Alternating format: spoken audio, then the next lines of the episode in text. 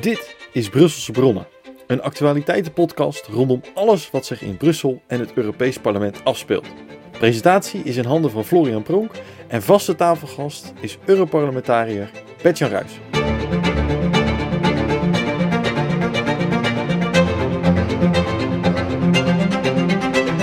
Welkom bij de allereerste aflevering van Brusselse Bronnen, de splinternieuwe podcast van de SGP in de ECR-fractie van het Europees Parlement. Mijn naam is eh, Florian Pronk en in de verkiezingscampagne reed ik rond in een oranje eentje voor Studio SGP. Maar in deze podcast mag ik gewoon blijven zitten, namelijk aan het bureau. En ik praat met het Europarlementslid Bertjan Ruijsen. En dat uh, zal ik in principe eens per maand doen. En wie weet, uh, soms ook nog wel met een interessante gast. Nou, Bertjan, het lijkt wel alsof je al een leven lang in uh, de Europese uh, parlement zit. Maar hoe lang ben je nou eigenlijk Europees uh, parlementslid? Ja, het voelt inderdaad al als heel lang inderdaad. maar om precies te zijn, juli 2019 ben ik hier gestart als, parlements, als parlementslid. Dus ja. ja. ik zit hier nu voor goed anderhalf jaar. Oké, okay. en nog steeds naar je zin? Absoluut, absoluut. Het is een hele dynamische plek hier. Ik heb het erg naar mijn zin ja, je moet natuurlijk voortdurend keuzes maken van waar, waar zet ik me voor in en waar, uh, waar, zet ik, ja, waar moet ik wat minder aandacht aan geven. Maar er komt zoveel op ons af en uh, ja, gewoon zeer, zeer uitdagend, absoluut. Ja, wat, wat vind je nou het leukst aan, aan de baan als uh, Europarlementariër? Ja, misschien toch wel het, zeg maar het internationaal bezig zijn. Hè? Ik ben toch wel iemand die graag over de grenzen heen kijkt. Uh, Nederland houdt niet op bij, uh, bij ja, Nederland wel, maar de wereld houdt niet op bij Hazeldonk. Nee. Hè? nee, klopt. dus uh, um, kijk, um, ja, wat ik ook gewoon wel heel mooi vind, is dat je hier toch best wel invloed kunt, kunt uitoefenen. Hè? Dat je rechtstreeks zeg maar, invloed hebt op, de, op de wetgeving die relevant is voor, de, voor de ondernemers bijvoorbeeld, waar ondernemers in de dagelijkse praktijk mee te maken hebben. Dus ja, gewoon heel mooi om daar je, je steentje aan, aan bij te kunnen dragen. Maar vooral denk ik ook, is het denk ik heel mooi om uh, ja, ook op deze plek iets van een christelijk geluid uh, te laten horen. Dat is eigenlijk ja. onze belangrijkste missie uiteindelijk als SGP, om een duidelijke christelijke boodschap neer te leggen in de politiek. Ja, want wat, hoe, hoe doe jij dat dan bijvoorbeeld in, uh, in het Europees Parlement? Zou je zo'n voorbeeld kunnen noemen?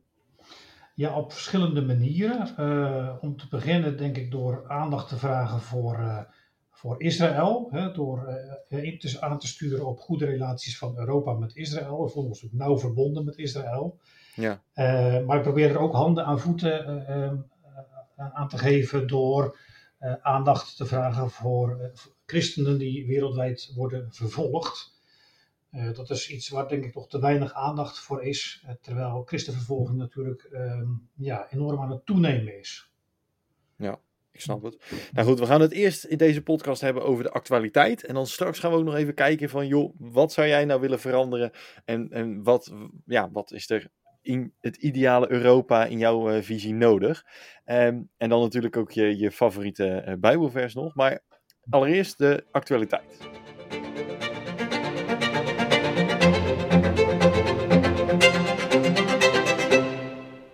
Ja, Bert-Jan, het is vandaag uh, 25 maart. Wat heb je vandaag gedaan? Nou, al best wel heel veel. Um, ik kom net uit een onderhandelingssessie. Ik heb onderhandeld over het uh, nieuwe landbouwbeleid. Uh, morgen gaan we weer verder met die onderhandelingen met Frans Timmermans en met de landbouwcommissaris Wojciechowski.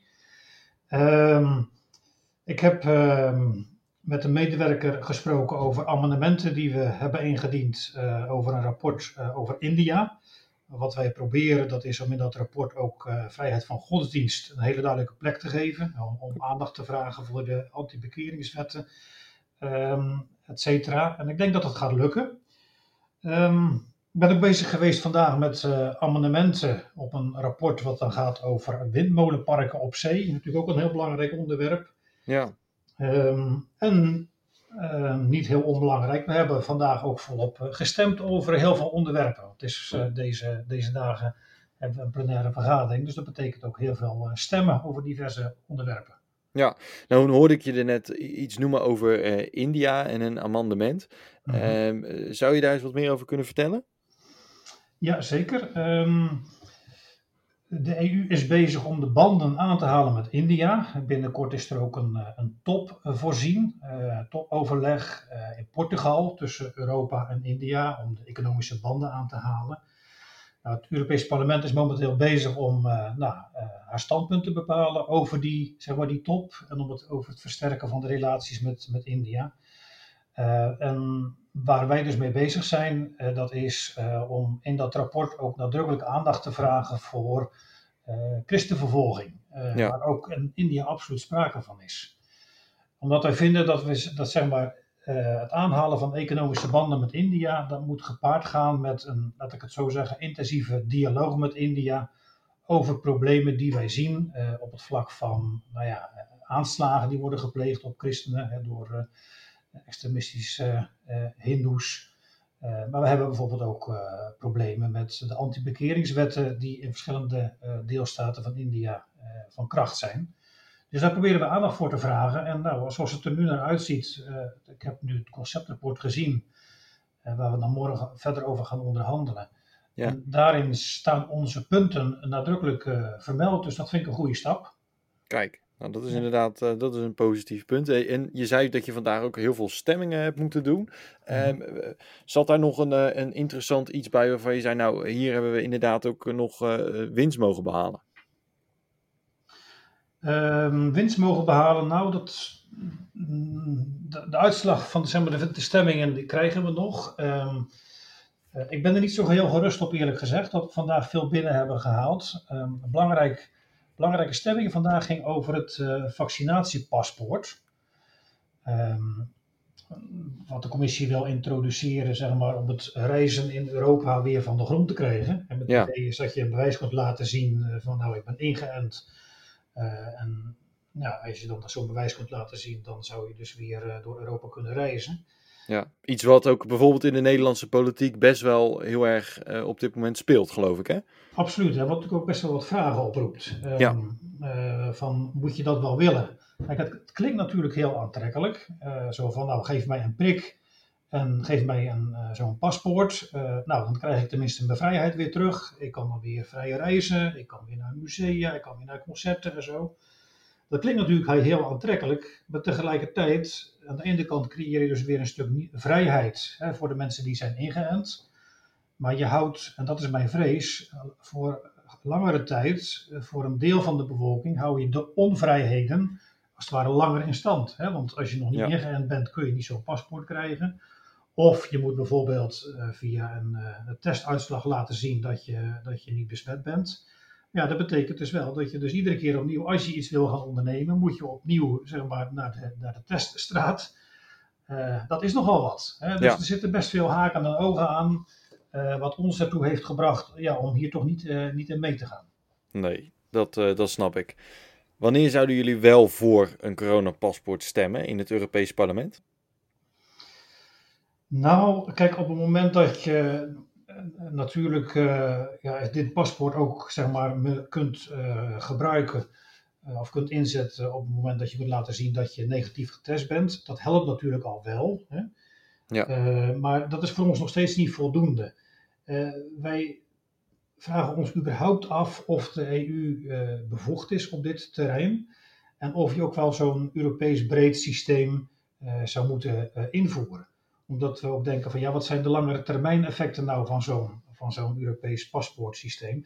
En wij denken dat je dit soort nou ja, afspraken over uh, of je mag reizen of niet mag reizen, wij denken dat je dat gewoon veel beter uh, bijvoorbeeld aan, gewoon aan de luchtvaartmaatschappijen zelf kunt overlaten. En die kunnen ook een systeem in het leven roepen, dat hebben ze natuurlijk al. Um, dus wij zijn sowieso, ik denk niet dat wij zijn over te halen om op welke manier dan ook hiermee uh, mee in te stemmen. Nee, nee. Nou ja, oké. Dat, uh, dat gaat, blijven we volgen. Want dat zal natuurlijk een onderwerp zijn wat alleen maar meer gaat spelen. Ook uh, richting uh, ja, het einde van, van de crisis die hopelijk in zicht is natuurlijk. Maar heb je ook nog andere onderwerpen waarvan je zei... Nou, ik zag ook een heleboel financiële dingen op de agenda staan. zitten daar nog interessante dingen tussen die we, die we de komende tijd kunnen verwachten? Zit Europa er financieel gezond bij bijvoorbeeld?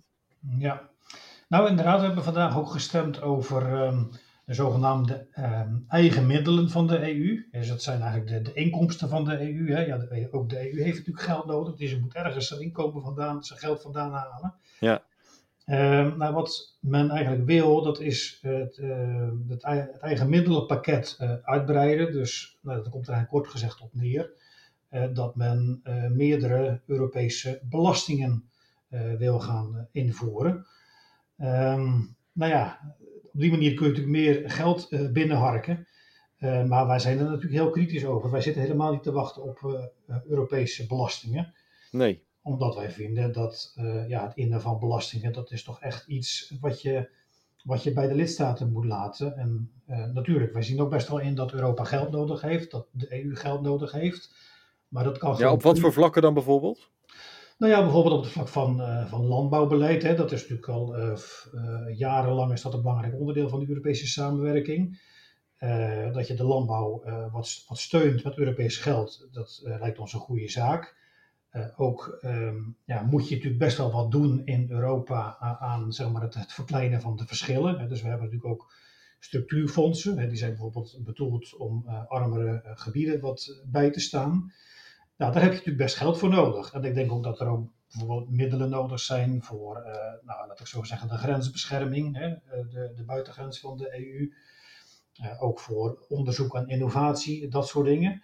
Dus ja, ja wij zien ook best wel in dat, je, dat, dat er Europees geld, geld nodig is. Maar ja, wel een beetje op een bescheiden schaal, alsjeblieft. Hè. En je ziet nu ja. dat die Europese begroting maar groter en groter wordt. Um, en dat past natuurlijk toch niet bij de de visie die wij hebben op Europa, op de EU. Wij vinden dat de EU ja, zich moet uh, beperken uh, tot een aantal grensoverschrijdende terreinen. Um, en niet al te veel uh, hooi op de vork moet nemen. Nee. nee, nou goed, ik vraag me dan in die zin af. Hè, het, het gaat over een begroting van geloof ik 750 miljard euro. Dat is best wel een, een, een fors bedrag. Heeft, heeft Europa dat allemaal daadwerkelijk nodig? Heb, heb jij, kan je daar misschien een antwoord op geven? Nou, of het allemaal uh, nodig is, dat is best wel de vraag. Je, je ziet het ook uh, bij de, de gelden die we zeg maar, in het verleden beschikbaar hebben gesteld voor armere gebieden. Dan bleek het in de praktijk heel vaak gewoon heel lastig te zijn om daar überhaupt goede projecten voor, voor te vinden. Dus of dat geld allemaal nodig is, dat is zeer de vraag. Um, maar wat ook best wel een probleem is bij dit nieuwe fonds, hè, die 750 miljard, wat je noemt. Dat komt trouwens bovenop uh, het, huidige budget, uh, het, het, huidige Europese budget.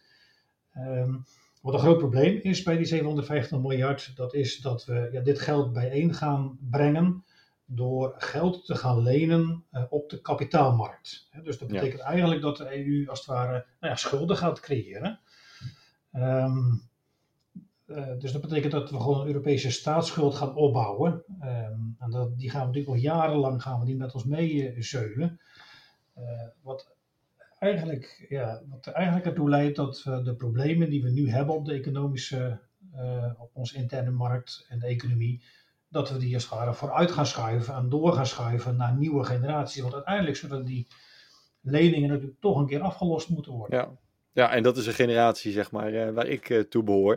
Die ja, dan bij wijze van spreken die, uh, die schulden moet gaan aflossen. En dat precies, precies, ja.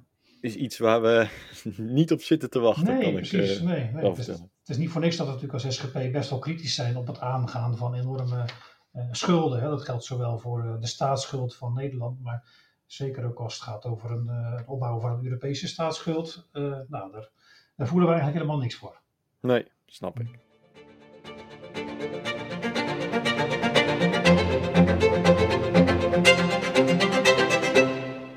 Nou, Bert-Jan, wat zou jij nou doen als je het voor het zeggen had in Europa? Hm. Goeie, vraag. Ja, als ik alle macht zou hebben hier. Nou, ik denk dat ik zou beginnen om uh, wat meer macht weer terug te leggen bij de lidstaten. Um, dat denk ik vooral omdat ik vind dat, zoals ik je zojuist ook aangaf, uh, de, de, EU zeker moet samenwerken op een aantal terreinen. Maar uh, de EU moet zich niet bemoeien met bijvoorbeeld onderwijs, met, met de gezondheidszorg, uh, dat soort dingen. Dus ik zou veel meer taken als het ware weer terug willen leggen bij de lidstaten. Ja. Uh, daarnaast ja, zou ik zeker ook oproepen voor nou ja, meer respect en waardering ook voor bijbelse waarden en normen. en ik zou zeker ook bijvoorbeeld stoppen met het op de vingers stikken van landen die bijvoorbeeld het ongeboren leven ehm, beschermen. Je ziet nu bijvoorbeeld dat dat de commissie en dat het Europees Parlement een land als Polen op de vingers stikt omdat ze een strenge abortuswetgeving uh, hebben. Ja, dat zijn natuurlijk dingen die ik, als, als ik samen met anderen hier een soort meerderheidspositie zou bekleden, dan zou, daar zou, dan zou ik daar natuurlijk mee stoppen. Dat, is, dat ja. begrijp je. Ja, dat begrijp ik. Hey, want als het nou gaat over ehm, al die punten waarvan je zegt, ja, daar moet de Europese Unie wat bescheidener worden, maar moet terug naar de lidstaten. Ehm, maak je dan je eigen baan niet, niet heel saai als Europarlementariër? Want dat zijn toch juist de vraagstukken die misschien nu juist interessant zijn om, om die te behandelen op Europees niveau. Nou, daar ben ik niet zo bang voor. Ik denk dat dit nog steeds een uitdagende uh, plek blijft. Maar bovendien, dat moet ook niet de belangrijkste vraag zijn natuurlijk. Het gaat, er, het gaat er uiteindelijk om wat het beste is voor de samenleving. Ja. Uh, en als dat uh, betekent dat uh, ons takenpakket hier in Brussel wat moet worden bijgeschaafd en moet, moet, worden verkleind, dan heb ik dat natuurlijk graag voor over. Ja, nee, goed, maar goed, dan kom je natuurlijk snel op zo'n vraag van, joh, is de Europese Unie dan nog nodig? Hè? Moeten we de Europese Unie niet opheffen? Als die toch, dat takenpakket al, al zo klein is. Wat vind je daarvan? Nee, opheffen, daar ben ik zeker geen voorstander van, omdat ik ook van mening ben uh, ja, dat we elkaar in Europa ook gewoon best wel hard nodig hebben. He, sommige vraagstukken die zijn nu eenmaal gewoon grensoverschrijdend. Ja. Uh, als het bijvoorbeeld gaat over luchtvervuiling. Ja, dat, dat lost Nederland niet in zijn eentje op. Daar heb je omliggende landen voor nodig. Lucht, dat is sowieso iets wat naar de grenzen overgaat. Ja, uh, nog steeds wel. Nog steeds wel, precies. Ja. Nou ja, maar dat geldt bijvoorbeeld ook voor de handel. Hè. Nederland is natuurlijk een enorm handelsland. Denk aan de haven van Rotterdam. We hebben natuurlijk heel veel uh, belang bij uh, nou ja, goede doorvoermogelijkheden. dus die interne markt, zonder douanecontroles, et cetera, zonder invoerheffingen, die is voor ons natuurlijk ook heel erg belangrijk. dus op dat soort terreinen zie ik absoluut de meerwaarde in van Europese samenwerking. Maar we moeten niet de EU laten doorgroeien naar een soort uh, superstaat. En die kant dreigt, nu, dreigt het nu toch wel een beetje op te gaan. Oké, nou ik geloof dat ik uh, de Europese Unie wel in jouw handen zou willen toevertrouwen. Oh, kijk eens even. Dat klinkt goed.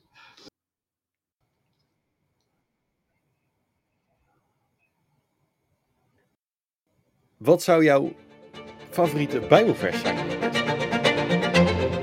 Ja, um, psalm die mij bijvoorbeeld erg aanspreekt is eh, Psalm 93. Oké. Okay. Uh, 93 vers 1, hè, waar bijvoorbeeld waar staat, de Heere regeert, hij is met hoogheid bekleed, de Heere is bekleed met sterkte, hij heeft zich omgord, ook is de wereld bevestigd, zij zal niet wankelen. Ik vind het een, een hele mooie tekst. Ja. Uh, ook als ik hier om me heen kijk, dan denk ik soms, nou ja, wat, wat een getop allemaal. Hè? Uh, en, en soms krijg je, krijg je ook het gevoel dat uh, nou, de wereldleiders denken dat zij alles voor het zeggen hebben. Ja. Um, en de, nou ja, dan kun je wel eens, noem je dat, somber, zou je somber over kunnen worden.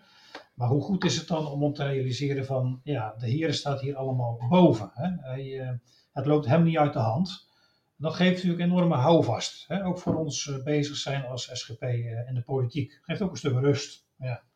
Dus ja, dat is een, een, een bijbelvers wat mij altijd heel erg, uh, heel erg aanspreekt.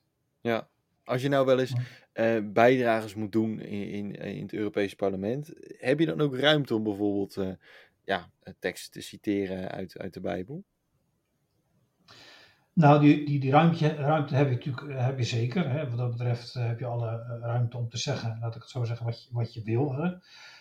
Um, maar goed, je moet natuurlijk altijd wel kijken van, is, past het? Hè? Um, ja. Nou, ik heb uh, bijvoorbeeld straks uh, hoop ik deel te nemen aan een conferentie over, over euthanasie.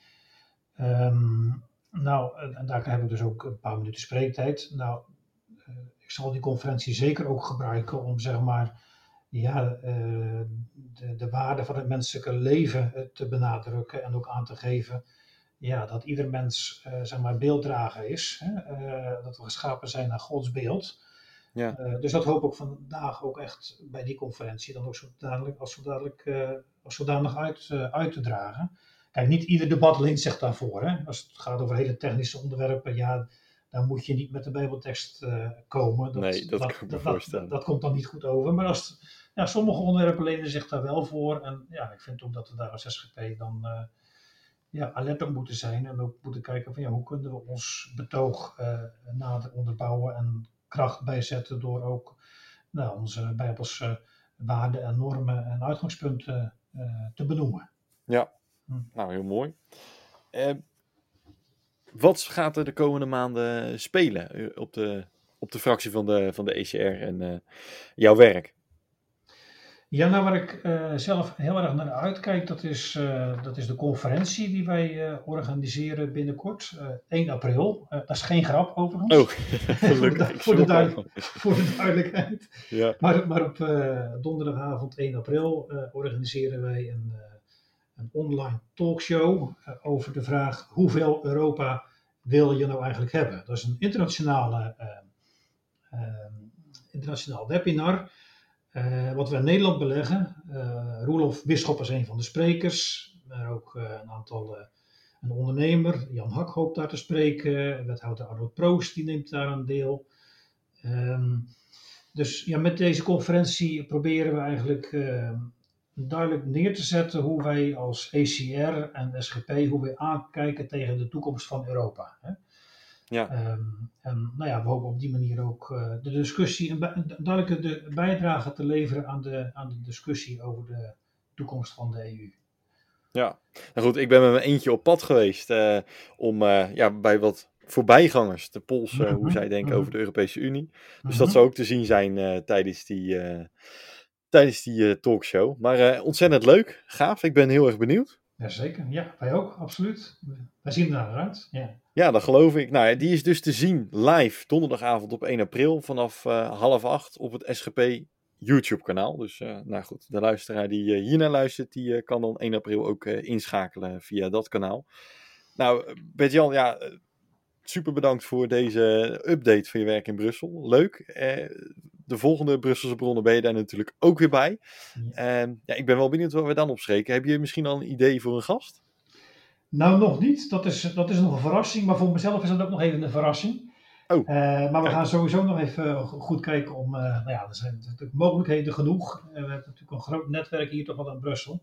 Ja. Dus we gaan zeker op zoek naar een nou, interessante spreker of iemand die nou ja, waardevolle um, aanvulling kan leveren op, op onze inbreng hier in, in Brussel. Heel leuk. Ja. ja.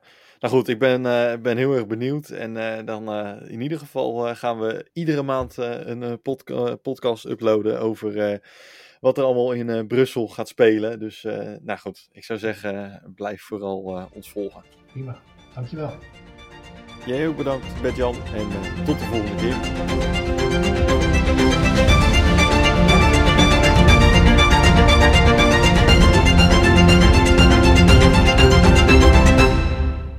Deze podcast wordt gefinancierd door de ECR Groep.